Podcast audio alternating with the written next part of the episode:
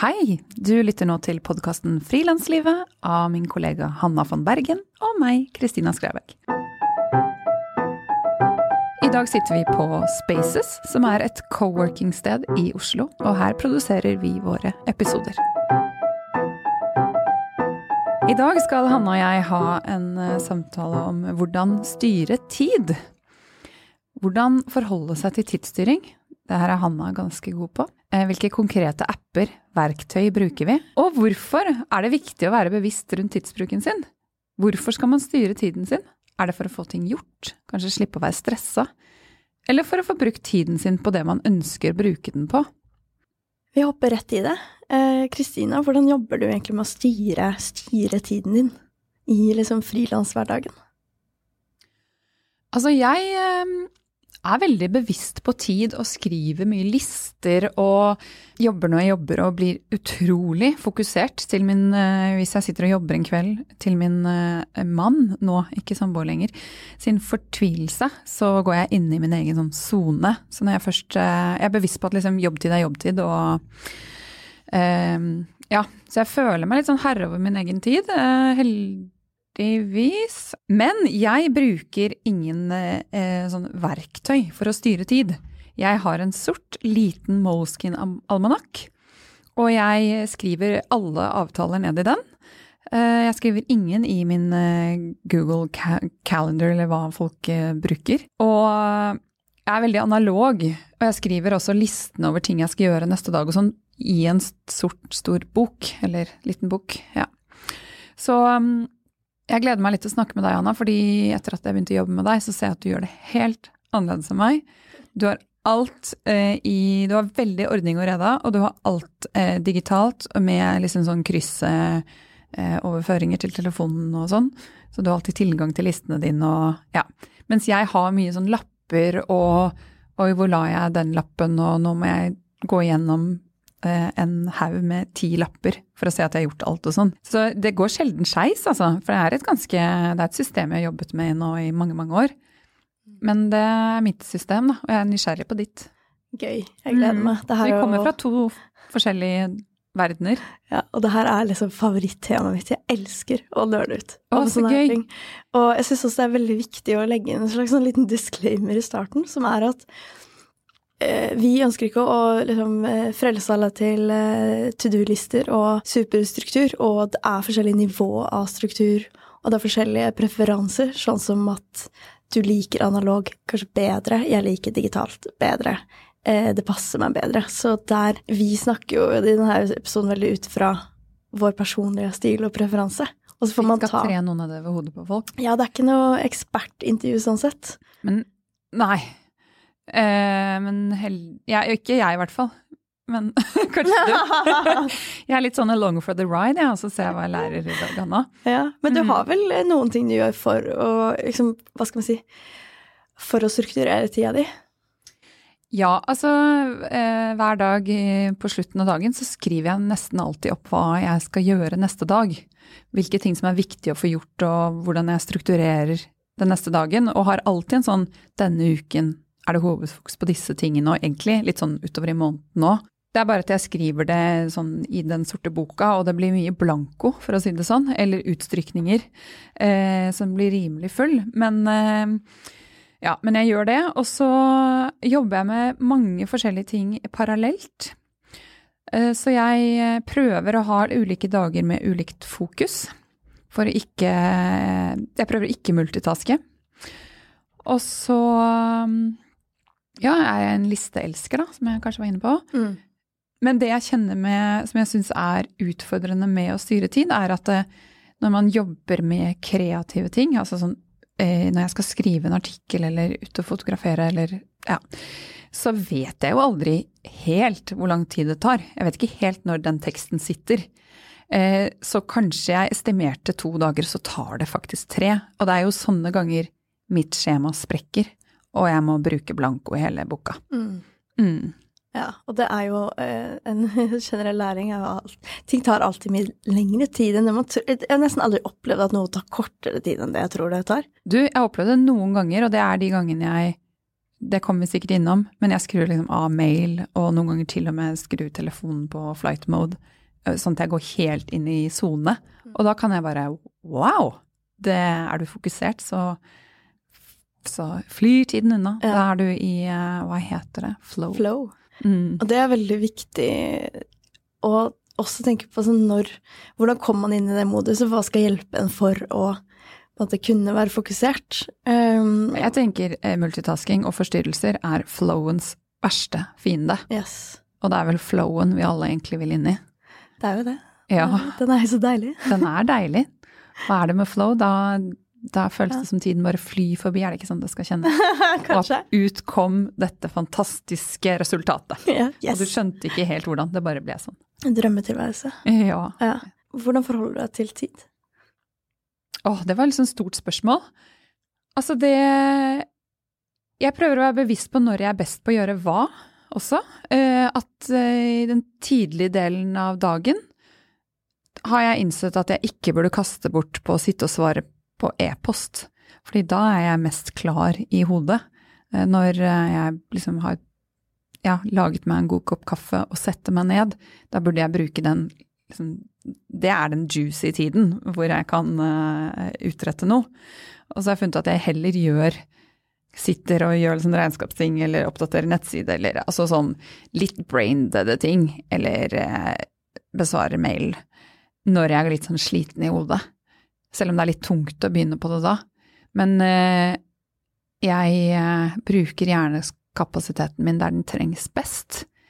Så det er litt sånn optimalisering, kanskje, av tid. Mm. Mm, jeg vet ikke om det var svar på spørsmålet, men jo Jeg har tendens til å være litt overambisiøs med tanke på tid. At jeg vil mye, og eh, det har jeg tatt litt sånn nå, nå må du prøve å slutte med det, fordi det jeg så da jeg gjorde, med det, gjorde det veldig, veldig mye før, var jo at listen aldri ble tom. Jeg følte aldri at jeg liksom kom Jeg følte meg alltid bakpå, da. Og at Ja. døgnet alltid hadde eh, for få timer. Eh, og at jeg ble liksom deppa av det, fordi jeg alltid følte jeg hadde for lite tid. Så det er jo litt sånn Du må vise hvor du skal legge deg, da. Det er så vanskelig også, for man vil jo veldig mye. Og så tenker man sånn, ja ja, jeg er også kanskje en eh, skikkelig tidsoptimist. Eh, og det som er så dumt, er jo at man hele tida har sett Altså, Skuffer seg selv. ja, man rigger seg sjæl for å liksom bli skuffa. Fordi man tenker sånn, ja, jeg skal få til disse 20 tingene hver dag. Og så får man bare til ti ting. Og så uh, istedenfor å skrive ti ting og bli skikkelig fornøyd, så setter jeg at det blir sånn litt det her jaget, da, som ikke er noe positivt jag. Men du har blitt flinkere på det nå. Ja, jeg har blitt ganske mye flinkere på det nå. At jeg prøver at det som må gjøres, det må være realistisk. Og så kan det godt være en liste på sånn eh, hvis, hvis du får tid, så kan du gjøre det, men det er litt mer bonusmateriale. Ja, det er fint. Ja, bonustrack. Mm. Mm. Det handler jo bare basically om ikke å ha for mye å gjøre. Eh, Ja. Og det er jo frilansers største utfordring, eh, å også takke nei til ting, Ja. som er en måte å, å veldig bevisst styre tiden på. Ja. Men jeg er jo litt sånn betatt av eh, hvordan du holder på med dine systemer. Etter jeg møtte deg, Hanna, så har jeg begynt med fiken, fordi det gjør du. Jeg har bygd om nettsiden min og begynt å bruke Squarespace, for det gjør du. Og nå har jeg prøvd å sette meg inn i Omnifokus, som er en liste, et listesystem. Ja. Fordi det bruker du. Så jeg prøver å bli Hanna von Bergen. Yes, elsker makten du har Mm. tildelt meg. Ja. Så de to første er jeg, funker veldig bra, og den neste er jeg bare sånn i startfasen med. Og det er veldig vanskelig å vende om en eh, papirskrivende listeperson Ja, eh, til, som liker penn og papir, til eh, å gå inn og, på en, digital greie og putte det der. Ja, fordi man, man Jeg savna veldig lenge det her å kunne stryke ut ting. At fordi når man blir ferdig med noe, så trykker man på en knapp, og så forsvinner det. Det er ikke like tilfredsstillende som at man liksom fysisk Stryker en lang linje. Ja, Ja. og blir litt sånn Yes! Det her! Den!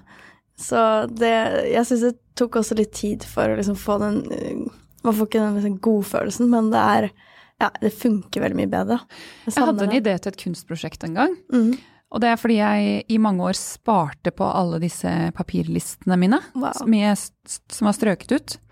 Så tenkte jeg sånn, jeg burde ha en utstilling hvor jeg tapetserer alle listene på galleriveggene.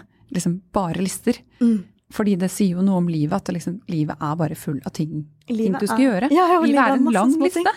Ja. Så jeg har ditcha det prosjektet, da. Men Det syns jeg er fin, et fint prosjekt. ja, kanskje jeg skal gjenoppta det.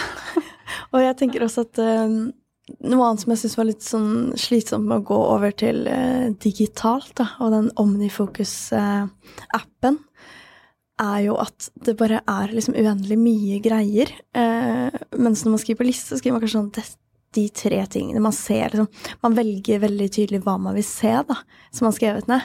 Og man ser kanskje ikke liksom, de andre prosjektene man har skrevet ned, eller man ser sånn at disse fire-fem tingene har valgt å skrive ned nå i dag. Uh, mens i appen så har du liksom samla alt som du kommer på, og som ligger der. Så du har ikke bare de fire tingene å forholde deg til. Uh, men det er liksom viktig å prøve å skru, skru om hvordan du ser på det med lister, syns jeg i hvert fall. Uh, I min mening så har du aldri et liv hvor du ikke har noe du skal gjøre. Det er ikke sånn at 'å, nå er det tomt, nå er det ingen to do'-ting. Det er alltid noe du skal gjøre. Det er alltid liksom ja, kjøpe melk, eller skrive den mailen, eller på en måte svare på det, eller ja, et prosjekt, her, eller ja, ja. ja, og det er veldig, kanskje veldig kjedelig hvis du ikke har noe. Kanskje det er sommerferien. Der kan det være sånn ok, nå legger jeg bort denne to do-lista. Nå bruker jeg ikke på den hele, hele ferietida. Og det gjør jeg ikke heller. Um, Så alt handler vel om balanse, for det kan jo være ganske sånn eh, Man føler seg kanskje veldig Kan kjennes som et litt ensomt liv hvis man ikke har noe på lista si, på en måte. Eller, eller må, um, målløst. ja. Jeg tror gjerne jeg er Eh. skrudd på det at man vil liksom at det skal være i null, da. Eller man Ja. vil liksom stryke ut alt, og så være ferdig. Ja, før man Eh, kan slappe av. Ja, men det tror jeg var også veldig sånn Tok litt tid å venne seg til at å bare la ting stå der, og ikke bli stressa over det som står der. Jeg Mhm. fortalte deg jo så vidt at um, jeg hadde en workshop i time management, altså tidsstyring, eh, på Kaospilotene, som var skolen jeg gikk på i Danmark, for hele klassen. Så 30 Fordi du er så god på det? Ja, fordi jeg syns Ja. det er så gøy, og nerder Ok, så mye om det. så det var jo 37 eh, studenter. Bare kan jeg få ha en workshop om dette? Ja, ja, men det var sånn. Jeg var sånn, å, det her er gøy, det her vil jeg gjerne både fokusere litt på. Det første vi gjorde var å be alle skrivende alt man hadde i hjernen sin. Og det her baserer seg på en teori om at eh, Eller ikke en teori engang, men forskning på at man kan huske hva er det sånn syv eller ni ting eh, samtidig. Jeg trodde det var åtte, men da Ja. er syv og ni ganske riktig. da. Ja. Mm. Eh, nå husker jeg ikke akkurat det spesifikke antallet, men det er gjort masse forskning på hvor mye er det man kan gå rundt og huske på en måte uten å glemme ting. da. Eh, av liksom liste og to do-ting. Og eh, vanligvis har man jo ekstremt mye flere enn hva da, ni ting man skal gå rundt og huske på. Så det vi gjorde, var å be alle skrive ned alt man hadde å gjøre. Og det kan være liksom små ting, det kan være store ting, prosjekter. Det kan også være ting man ønsker å gjøre. Man kan velge litt hvordan man deler opp det. Og det som skjedde, var at eh, det var noen som gikk etter det her, som ikke ble med på workshopen fordi de ble så stressa at de var sånn Herregud, jeg har skrevet ned 60 ting. Det her Jeg hadde glemt alt det her. og- dette, liksom. ja, ja, og det her jeg klarer ikke, jeg klarer ikke å følge med på workshop nå, men jeg bare går ut og gjør ting. Så sånn sett hadde det litt motsatt effekt, men det som var interessant, var jo kanskje liksom det her med at man tenker at det er så mye lettere å huske ting enn det det faktisk er, da. Og hvor mye greier det egentlig er. Og sånn som vi snakker om at man ikke skal bli stressa av at det er flere ting på lista enn det du får gjort denne uka, denne måneden. Men det handler om å skape et system, da. Ja, og eh, min hverdag syns jeg funker egentlig veldig bra. Eh, med det, den form for system jeg har. Men det jeg kjenner er at jeg bruker jo mye hjernekapasitet på jobb. Så målet mitt med å se mot det du gjør, er jo å frigjøre eh, liksom space i hjernen. Eh, og kunne heller tenke på viktigere ting enn eh, at jeg må huske å sende den e-posten som jeg kommer på klokken 11 på kvelden når jeg har lagt meg. Så det er ja, sånne ting, da. Jeg syns det er utrolig behagelig å ha ett system som jeg bruker, og det er ikke så nøye akkurat hvilket system det er, men det viktigste er at du har ett system. Fordi hvis du plutselig skriver ned noe på en Post-It, og noe i boka di, og noe på notat på mobilen, så er du ikke helt sikker på at du Skal vi huske skrev hvor det du ned. har det òg? Ja, og så du huske det? Var det sånn, skrev man det ned der, og hvor skrev man det, og så må man samle det, og så blir det, får det ikke den funksjonen som det kan ha, som er det at du skal slippe å tenke på det, for du vet at du har skrevet det ned. Ja. Og det er liksom hele kjernen Ja. i det. Jeg har jo også dritdårlig hukommelse og jobber med veldig store prosjekter med liksom tusenvis av e-mailer og hundrevis av folk og veldig mange to do, hvis man skal si, eh, liksom aktiviteter. Og det å gå rundt og huske på ting er liksom helt umulig. Mm. Så det spørs jo hva man jobber med. Men sånn som jeg jobber, så er det, eh, har det hjulpet meg så ekstremt mye å finne liksom et godt system som jeg liker å bruke.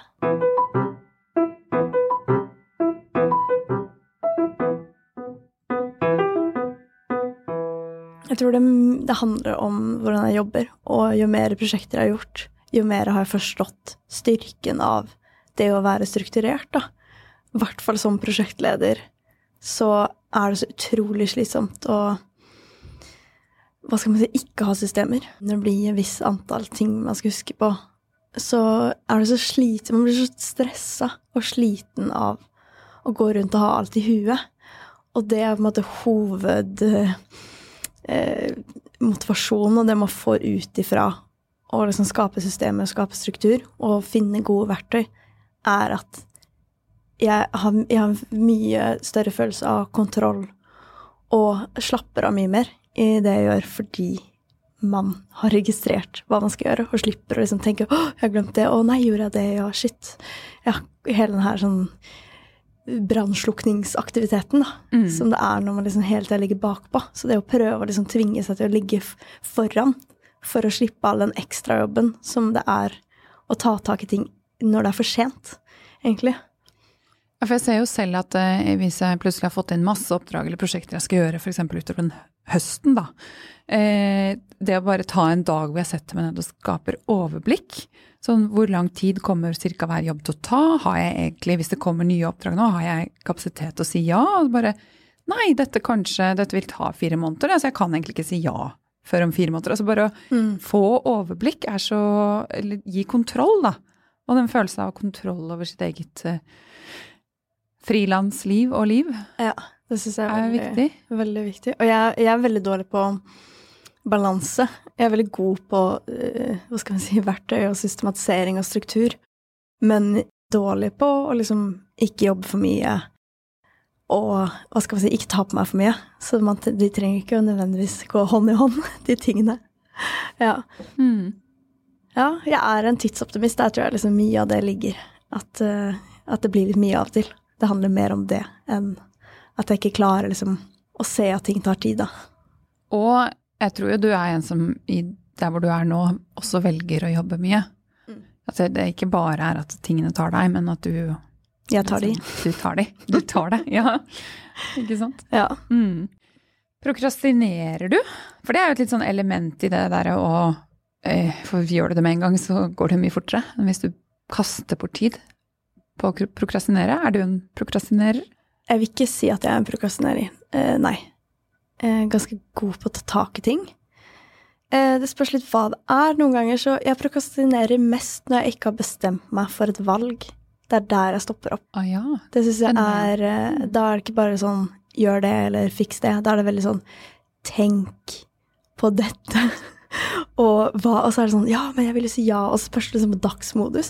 Det er når jeg stopper opp, er når jeg ikke klarer å si Det er jo kanskje ikke prokrastinering. Det kan hende det er en viktig prosess i å ta valg, da. Og Ja. stoppe opp litt. Det er det jo også. Man vil ikke bare gjøre det med en gang, men jeg merker at det er eh, Ja, det er der det liksom stopper flyter veldig mye, da. Mm. Ellers så Jeg har en venninne som lagde liksom dagslister, og så begynte hun alt med det hun syntes var verst. Fordi altså hvis det var en telefonsamtale eller en konflikt som måtte tas, eller et eller annet man ja, måtte skrive, eller uansett hva det er nå er, da. Å begynne med det som er verst. Og det er sånn klassisk greie. Men Smart. fordi man begynner ofte med sånn Jeg skal bare komme i gang litt, jeg begynner med litt ting og få unna og føle liksom at man er i mestrer noe. Men det å bare begynne med det som er verst, hjelper veldig, fordi da er det over kneika etter det. Og da er det så mye lettere med det andre du skal gjøre. Noen ganger er det der å tenke på at man skal gjøre det, verre enn å gjøre det. Mm. For hvordan er du med prokrastinering? Um, jeg var nok det veldig før, hvis det var noe jeg gruet meg til å gjøre. Uh, hvis jeg skulle f.eks. ta en telefon til uh, en redaktør eller uh, ja, en viktig samtale, da. Så husker jeg sånn jeg kunne gå rundt i fire timer hjemme i stua før jeg fikk klart å ta telefonen. Eh, men da hadde jeg litt sånn telefonangst òg, da. Mm. Eh, ikke det at jeg bare gikk rundt i fire timer, men det tok liksom fire timer før det skjedde. Det var sånn litt sånn titt i kjøleskapet, litt sånn Men eh, så, etter hvert, så kjente jeg sånn Det De fire timene er jo mye verre. Eh, det er jo liksom Ja, det er jo helt forferdelig å sette seg selv gjennom det og tilbringe dagen sånn. Mye verre enn å ta telefonen. Så ofte er det jo sånn. Så um, nå er jeg litt mer sånn Ok, det står på lista, du må bare komme i gang. Du må gjøre det. Og så ikke tenke så mye på det. Ja. Og litt sånne kjedelige oppgaver òg, eller det man anser som kjedelig. Eh, sortere bilag eller Jeg kan noen ganger si til meg selv sånn åh, nå koser jeg meg litt med det. Fordi det er jo deilig noen ganger å få lov til å ikke bruke hodet så mye, eller bare gjøre noe annet. Mm. Så liksom lage en liten Sett Sette frem en skål med sjokolade til kontorfellesskapet og sette på litt musikk på ørene og liksom Ok, nå gjør jeg dette. Mm. Det Uten å stresse over at det er kjipt, liksom. Ja. Og så syns jeg det har vært en utvikling i det å frilanse eh, med Før så tror jeg jeg tenkte mye mer på at jeg skulle liksom føle for å gjøre noe man skal føle for å liksom starte dagen tidlig og sette i gang, og så våkne, og så var man kanskje sånn Nei, åh, venta noen timer, og at, Nei, fuck følelser, altså. Ja, man må, liksom bare, man må gjøre det først, og så må man føle. Det er som kan du føle. Ja. Du føler aldri for å trene. Man bare trene, og så på en måte være stolt av det etterpå. Og ha godfølelsen etter man har gjort det, da. Så det også er en skikkelig sånn Man må øve seg skikkelig mye på Fordi du har ingen andre nødvendigvis, da, som forventer at du skal være der klokka ni eller starte eller gjør ditten og datten. Og Veldig det, godt poeng, fordi det derre og jeg må føle for å gjøre det før jeg får inspirasjon til å skrive eller trene.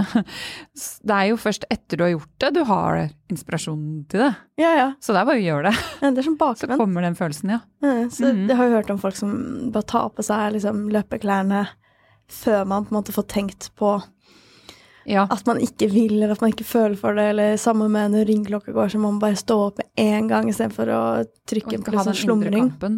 Mm. Jeg har så mye indre kamper akkurat på det der. Starte ja, dagen, ja, slumring. Så der er jeg helt elendig på å styre tid. Men øh, jobbe med det, og liksom basere ting mindre på følelser, da. Noe jeg er veldig fan av, er eh, noe som Jeg vet ikke hva jeg skal kalle det på norsk, men på engelsk så sier man 'commitment devices'. Det er ikke alltid jeg er så god på å få gjort ting nødvendigvis alene, og det er ikke alltid jeg liker å gjøre ting alene heller. Eksempel podkasten. Det var et prosjekt som jeg visste at jeg ville gjøre sammen med noen. Og det å skape nye vaner syns jeg kan være vanskelig. Og jeg pleier å gjøre en deal på en måte sammen med en annen person, da. Om det er trening eller ja, jobbing eller hva det nå er, da, så er det litt med å finne ut om hva Hva du trenger hva jeg for, trenger for å få det gjort. Ja. Mm. Og eh, vi er begge eh, kjenner til en dame som heter Gretchen Ruben. Eh, nå husker jeg ikke helt hva Kan ikke du fortelle litt om henne, Hanna? Ja. jeg, jeg kommer på banen når du fortalte litt. Hun har skrevet eh, en bok eh, om The Four Tendencies. Og det er på en måte fire erketyper om hvordan man er i, bare med det i forhold til om man er styrt av indre eller ytre forventninger. Og hun nevner f.eks. i boka at uh, en hun kjenner var kjempeflink til å trene uh, når hun gikk på skolen. Og da var hun med noe løpelag, eller, og da kom hun alltid på tid og var alltid fornøyd, og det gikk som smurt. Og når hun var ferdig på skolen, så trente hun aldri. Og følte at liksom Å, jeg får jo ikke noen ting til, og jeg er lat, og liksom uh. Ja. Men det handler veldig mye om at hun er på en måte det Ytre forventninger funker mye bedre for å skape vaner for å få ting gjort enn eh, indre. Mens noen er sånn hvis noen sier til deg eller at du må møte opp klokka fire på en tirsdag, så er det kanskje mer hemmende enn om du på en måte kan velge sjæl. At du har mm. styrt mest av de indre forventningene til deg selv. Eh, så det der er man eh, trenger ikke å liksom gå helt i dybden på det, men det er veldig interessant at man ikke tenker at det her funker for deg, derfor funker det for meg, men at man er veldig forskjellige når det gjelder det eh, med å skape vaner og styre tid og få ting gjort. Ja, jeg syns det var kjempeinteressant. Og kan ikke vi bare gå gjennom de fire på en måte personlighetstypene? Altså kun til forventninger, da. Ikke sånn i livet, ikke en føring for livet generelt. Men jeg tok en sånn test da, som viste at jeg er styrt av 50% ytre og 50% indre forventninger. Som gjør at du liksom responderer på en måte like mye på begge. Du kan godt gjøre det sammen med noen, og du kan godt gjøre det alene. Upholder het det. Og så finnes det noen som en type som var pleaser. Som Ja, eller questioner. Du har upholders. Vil du ikke begynne med pleaser? Nei. Det er ikke noen. Jo. Nei, det het kanskje noe annet. Ja. Det er Kaller det pleaser. ja, obligers. Obliger. Ja. ja, det er sant. Det er, et, det er en slags pleaser, men det er Ja, et negativt ord på det, føler jeg. Oh, ja. Eller jeg føler at en pleaser er litt sånn som Jeg har noen venninner som er det, hvor hun er klar over det, eller de i det også. Så vi har begynt å kalle det pleaser, da. Oh, ja. Det er fordi det er en pleaser gjør ja, det. det er sant. Man kanskje skjønner det ordet bedre. Ja, men eh, det oblige, da. En som vil oblige people. Det var jo en som For eksempel det med løpinga. At man er veldig god på hvis man har en avtale med noen andre om å trene, men hvis du ikke har det Så vil du please den avtalen, så stiller du opp. Ja. Liksom. Det er veldig viktig for en å ikke skuffe andre mennesker, da. Ja, og det er viktig å liksom stille opp, og eh, at avtaler har liksom en sterk verdi, da. Og, så det er lettere å møte andres forventninger til deg enn dine egne forventninger til deg selv. Eh, Jeg ble Altså, det her er jo en quiz man kan ta, som jeg tror Det er så sykt mange hundre tusen mennesker som har tatt det. Det er da på gretchenruben.com, så er det en quiz, og så står det litt om det, og så får man svar, og man skal ikke ta alt helt sånn svart-hvitt, men det er litt sånn interessant som et slags rammeverktøy å, å ja, reflektere ut fra, da. Og questioner, det er en person som spørresetter alle forventninger. Eh, Hvorfor skal vi det? Hvorfor skal vi gjøre det på den måten? Hvorfor ja, kjenner, Var det det du var? Ja, eller sånn Ja. Jeg er en blanding av det og kanskje upholder. Altså, jeg stiller veldig mye spørsmål, og stiller mye spørsmål Hvis noe gir mening, så møter jeg liksom andres forventninger og mine egne forventninger. Men hvis noen spør meg om noe på jobben som jeg ikke syns gir mening, syns jeg det er utrolig vanskelig å, å gjøre det. Eller sånn, jeg må skjønne hvorfor. Ja, eller Hvorfor er det her questioners må de, de kan gjerne gjøre det, men de må skjønne hvorfor. Ja. Så det betyr ikke at du ikke still, eller gjør som forventet. Det er Nei, bare at du må, vite, eller du må føle at det gir mening for deg. Da. Ja, jeg Hvorfor må forstå hvorfor, og derfor er jeg en person som graver eller stiller mye spørsmål til hvorfor Mm. gjør vi det. Ja, merker du det? Ja, ja, selvfølgelig merker jeg det. det. Det sa hun også da i denne boken, at eh, questioners og upholders, som jeg er, kan komme litt på kant med hverandre. Fordi jeg kan bli litt sånn Men hallo, kan vi ikke bare Vi har bestemt oss for å gjøre det, kan vi ikke bare gjøre det? Hvorfor skal hun stille så sjukt mye spørsmål? Så dette her er jo ment som et verktøy til å forstå seg selv, og til å forstå de rundt seg. Eh, For da skjønner jo jeg Å ja, men Hanna må bare skjønne hvorfor. Hun må føle at det Ja ja, eh, it makes sense, liksom, å gjøre det sånn. Og det er viktig for henne, og det er viktig for oss. Eller å ja, nå stiller hun opp på det mest for å please meg. Eh, og kanskje jeg må gi henne litt slack, liksom, og passe litt på hennes eh, Ivareta hennes behov òg, på en måte. Ja, Det er en veldig fin måte å forstå andre på, Ja, og i hvert fall en jobbsetting. derfor vi vier så mye tid til det her, merker jeg nå i denne episoden. Ja, vi Men hva se. var den siste? Det var en Det er- rebell. Ja, Og det, de færreste er rebell. Og det er eh, folk som hvis det settes et krav til deg, så på grunn av at det blir satt et krav, så vil du ikke. Mm, og både ditt eget krav til deg selv, men også andres krav Ja. til deg selv. Så du kan være litt sånn Ok, men hvis du sier at jeg skal gjøre det her, så har jeg ikke lyst til å gjøre det, eller Altså, man kan bli litt sånn Ja, litt rebell, da, rett og slett. Ja, og hvis Mm. du selv har bestemt deg for å ta vitamin hver morgen, da, for eksempel, så kan du stå på og så bare Nei, jeg vil ikke ta vitamin likevel, Mm. selv om jeg bestemte meg for det. Fordi nå vil jeg rebelle mot mitt eget uh, lille regime. Ja. Og så, ja. Det er sykt fascinerende. Det er veldig fascinerende. Jeg, jeg er virkelig ikke sånn. Jeg syns det er kjempespennende at det er mennesker som, som har det på den måten. Jeg kan kjenne meg litt igjen sånn Åh, hvorfor må jeg gjøre det så kjedelig? Ja. Ja. Men jeg er ikke en rebell. Men yes. Mm. Og det som var veldig morsomt med den questioner, var på slutten så var det sånn her Tviler du på denne testen? Eller sånn er du liksom skeptisk til de her resultatene? Da er du en questioner. Da er du det, liksom hvert fall. Eller sånn. Ja. Fordi det er sånn You're a questioner. Og så tenkte jeg sånn Ja, men er det liksom? Det, å, du er så det. ja. Eh, Men, og mange kan jo si sånn Du, hvorfor bare Du bare gjør de tingene du litt sånn 'Å, det er så lett for deg, du bare gjør de tingene du har bestemt deg for', du. Og det har jo gitt meg litt svar på det. At sånn, ja, jeg er en som bare putter det på lista, og så gjør man det. Som er Mm. typisk denne upholder, da. At du har et indre krav til deg selv at når du har bestemt deg for det, så skal du gjøre det. Ja. Som også Eh. at det er like, og det er det for min del òg, det er like viktig å gjøre de tingene jeg har satt som mål for meg selv, som de målene andre har satt uh, i en jobb, da. Hvis du skjønner hvorfor det er viktig for deg. Hvis jeg skjønner hvorfor det. Ja. Men jeg vil bare gi en liten kudos til podkasten Ingefær. fordi det er der jeg første gang oppdaget eh, Gretchen Rubin. Og så har jeg hørt eh, mange andre intervjuer med henne i andre podkaster etter det, og lest en del om det. Mm, For jeg syns sånt er veldig fascinerende. det er det. Mm.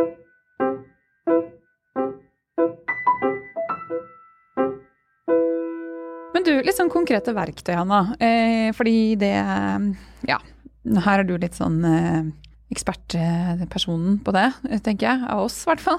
Jo, det å eh, finne ut hvilket system du skal bruke, sånn som dette Omnifokus da, som du har valgt å gå for. Hvorfor ble det liksom Altså, hvorfor ble det det?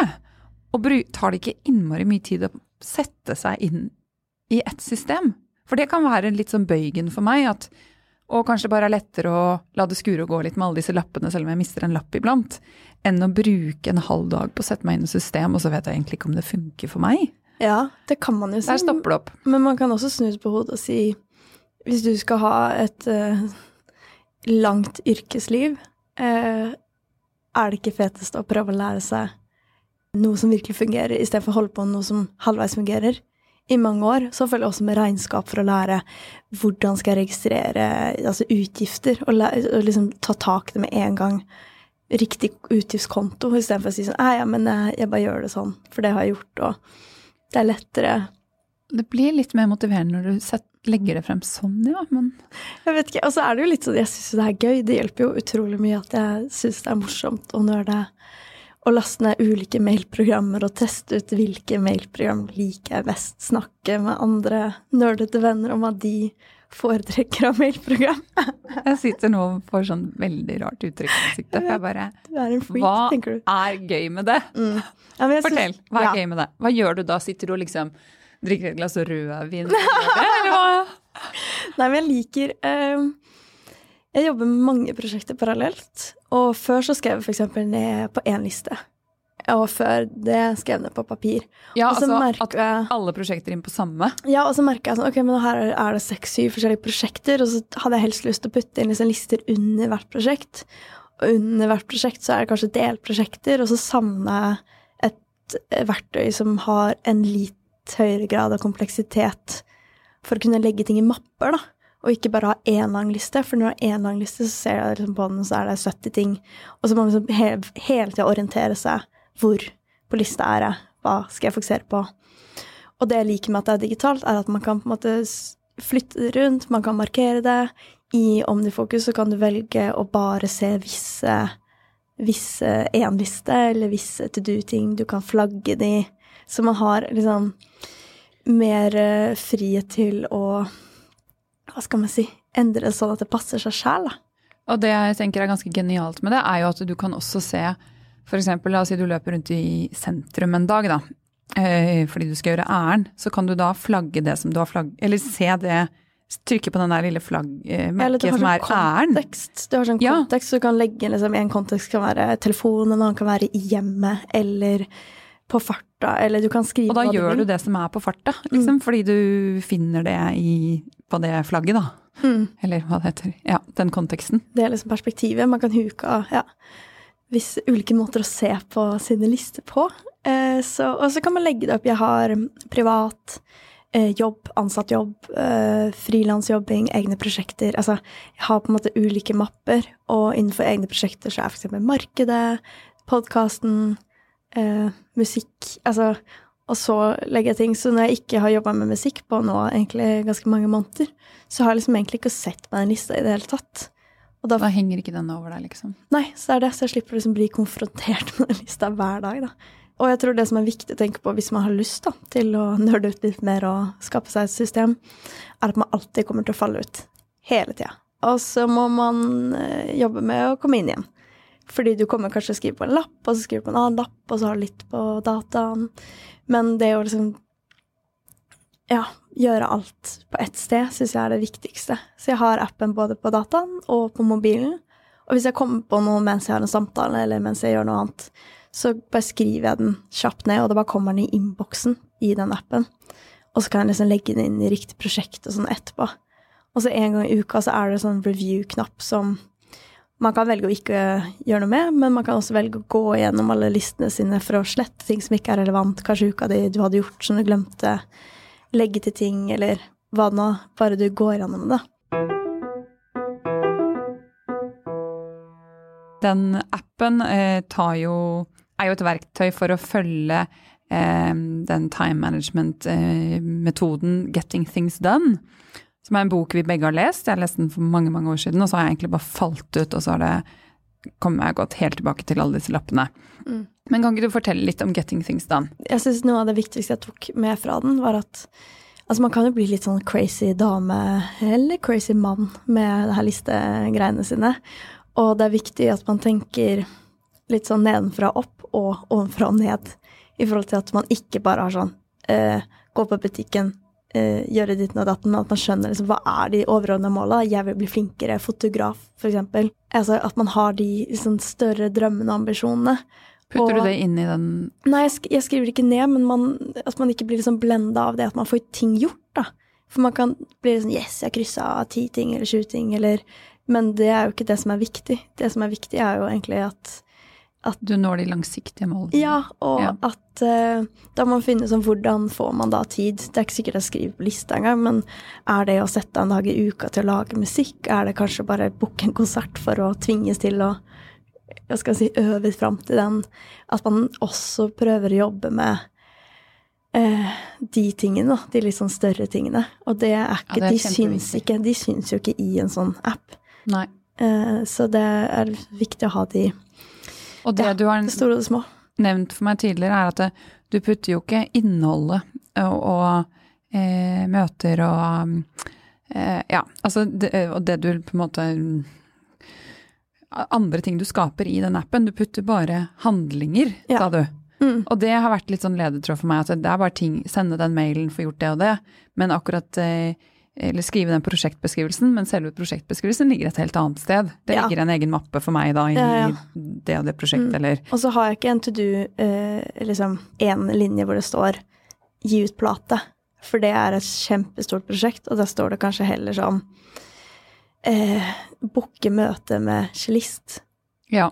Eh, de konkrete liksom tingene. Ja, de små stegene. Konkrete handlinger, ellers så går det ikke. Hvis, eh, og det er da man det bare blir masse greier som man ikke gjør fordi man vet ikke helt hvordan man skal starte på det, for det er ikke en konkret handling. Det er bare en tanke eller en Ja, og så fort det er et møte, alt som er liksom tidsspesifikt, skriver jeg inn i kalenderen.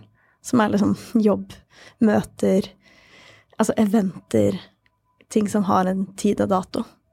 En annen ting som Getting Things Done snakker om, er at et sånn enkelt uh, verktøy man kan bruke for å liksom se litt på det her, da, er at man kan dele opp sine ting i fire bolker. Jeg har aldri faktisk sånn spesifikt gjort det, men det er en måte å tenke rundt lister på, da. Uh, og det er at um, man har de tingene som er uh, um, viktige, men som ikke haster. Man har de tingene som Langsiktige er målene. Ja. Mm. Man har de tingene som er uh, Altså som ikke er viktige, men haster. Altså Som brannslukking? Ja, eller nei, som ikke er viktige, men haster. Oh, ja. Altså sånn Ja, men Det har gått i Da burde man jo drite i det.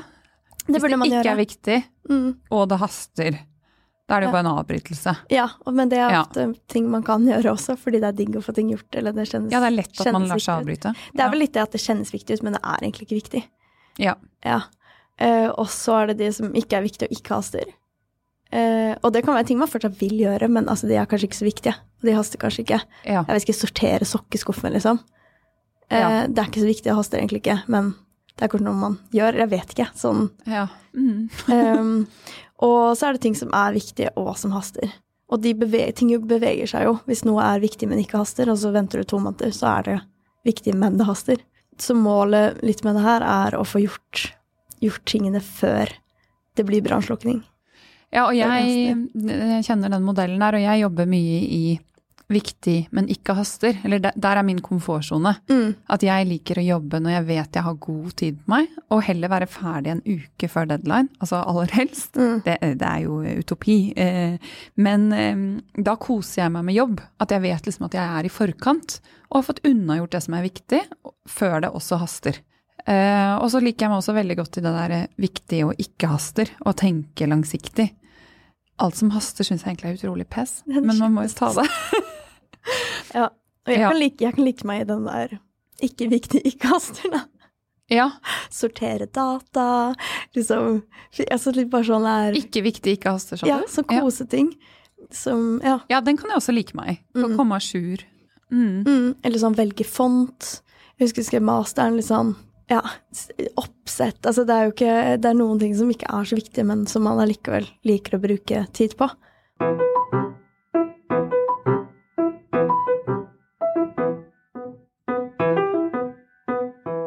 Men du, du putter jo også alt inn i en sånn digital kalender.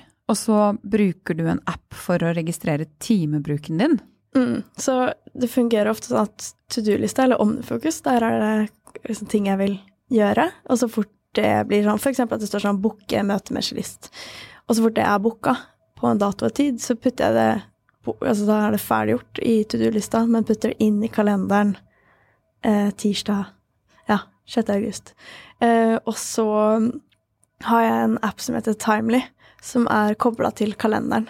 Sånn at alt jeg putter i kalenderen, kommer liksom opp som timer i denne appen. Og det er rett og slett for å vite Og da lager jeg ulike prosjekter i appen for å vite hvor mye tid bruker vi på podkasten. Altså i forhold til hvor mye støtte vi får og sponsorat.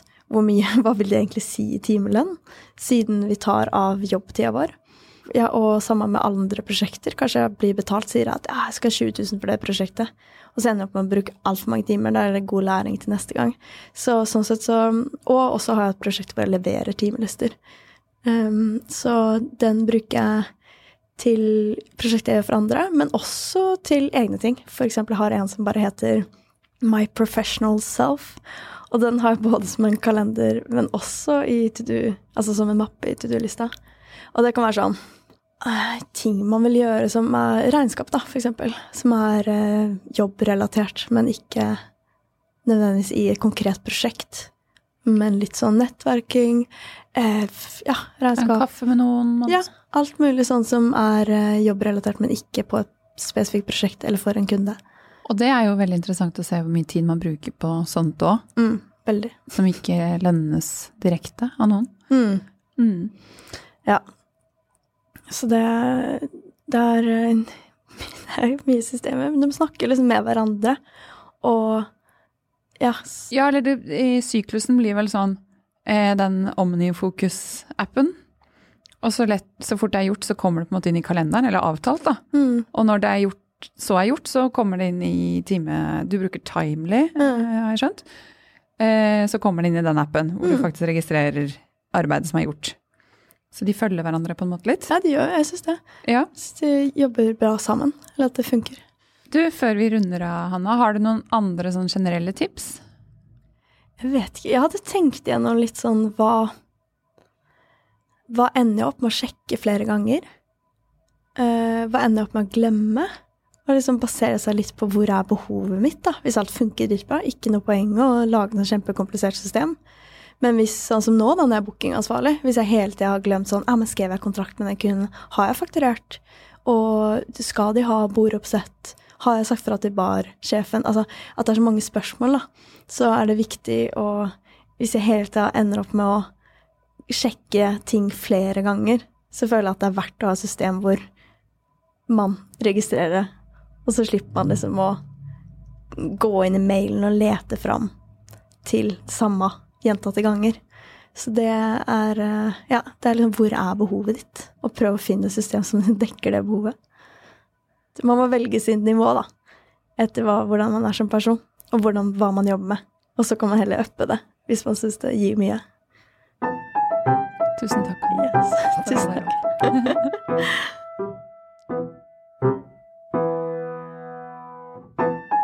Vi vil takke Fritt Ord og Kulturetaten for støtte til denne podkasten. Tusen takk.